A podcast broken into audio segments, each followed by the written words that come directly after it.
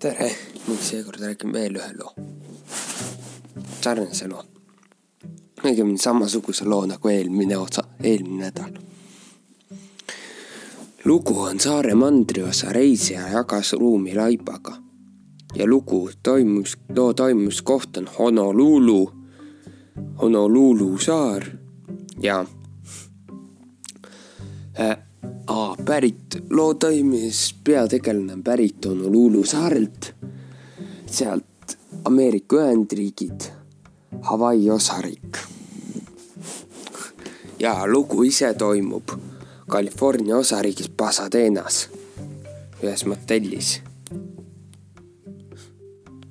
nii, jah saare on loo pealkiri. Selline, saare mandriosa reisi jagas ruumi laibaga Honolulu päritolu linn Nakamura läks hulluks, kui politsei teatas, et surnukeha oli voodi all. Honolulu päritolu linn Nakamura astus koos vennaga Californias Pasadenas asuvasse motellituppa ja viskas nalja. parem kontrollige voodite alt surnukehi, sest ma panen prii-, siis ma olen priik, kui neid leian see oli enne seda, kui tema ja tema vend Los Angelesest pärit Dennis Wakabayashi märkasid kahekümne neljandal juunil Travelodge Pasadena ruumi tunginud ebameeldivat lõhna.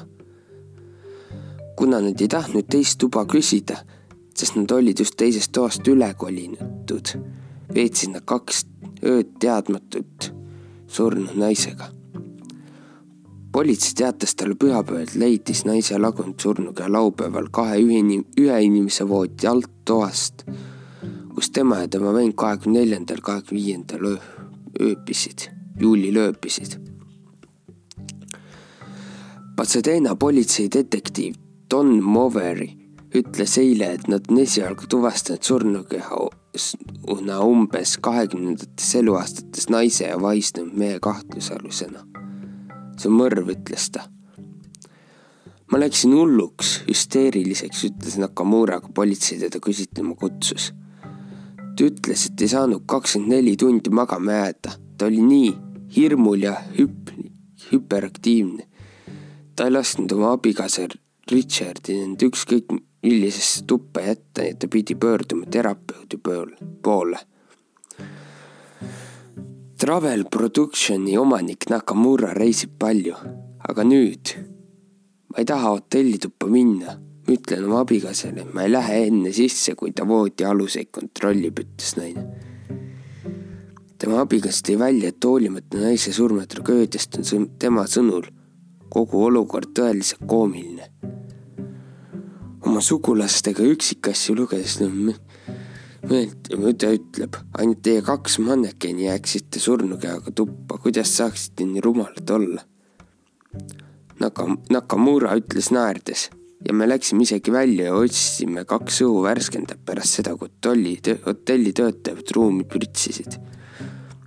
tema vend arvas, et see lõhnab kimchi, kimchi järele, okei okay,, kimchi Nakamura ütles, et sai hiljem teada, et surnukeha oli peidetud voodi raske puidust platvormi õõsusesse, milles ta vend magas. Moveri ütles, et surnukeha oli olnud voodi all üheksa kuni kümme päeva enne, kui juhataja Jim Moo selle avastas. ja see on nüüd kõik selleks korraks. tahage jällegi järgmise korrani.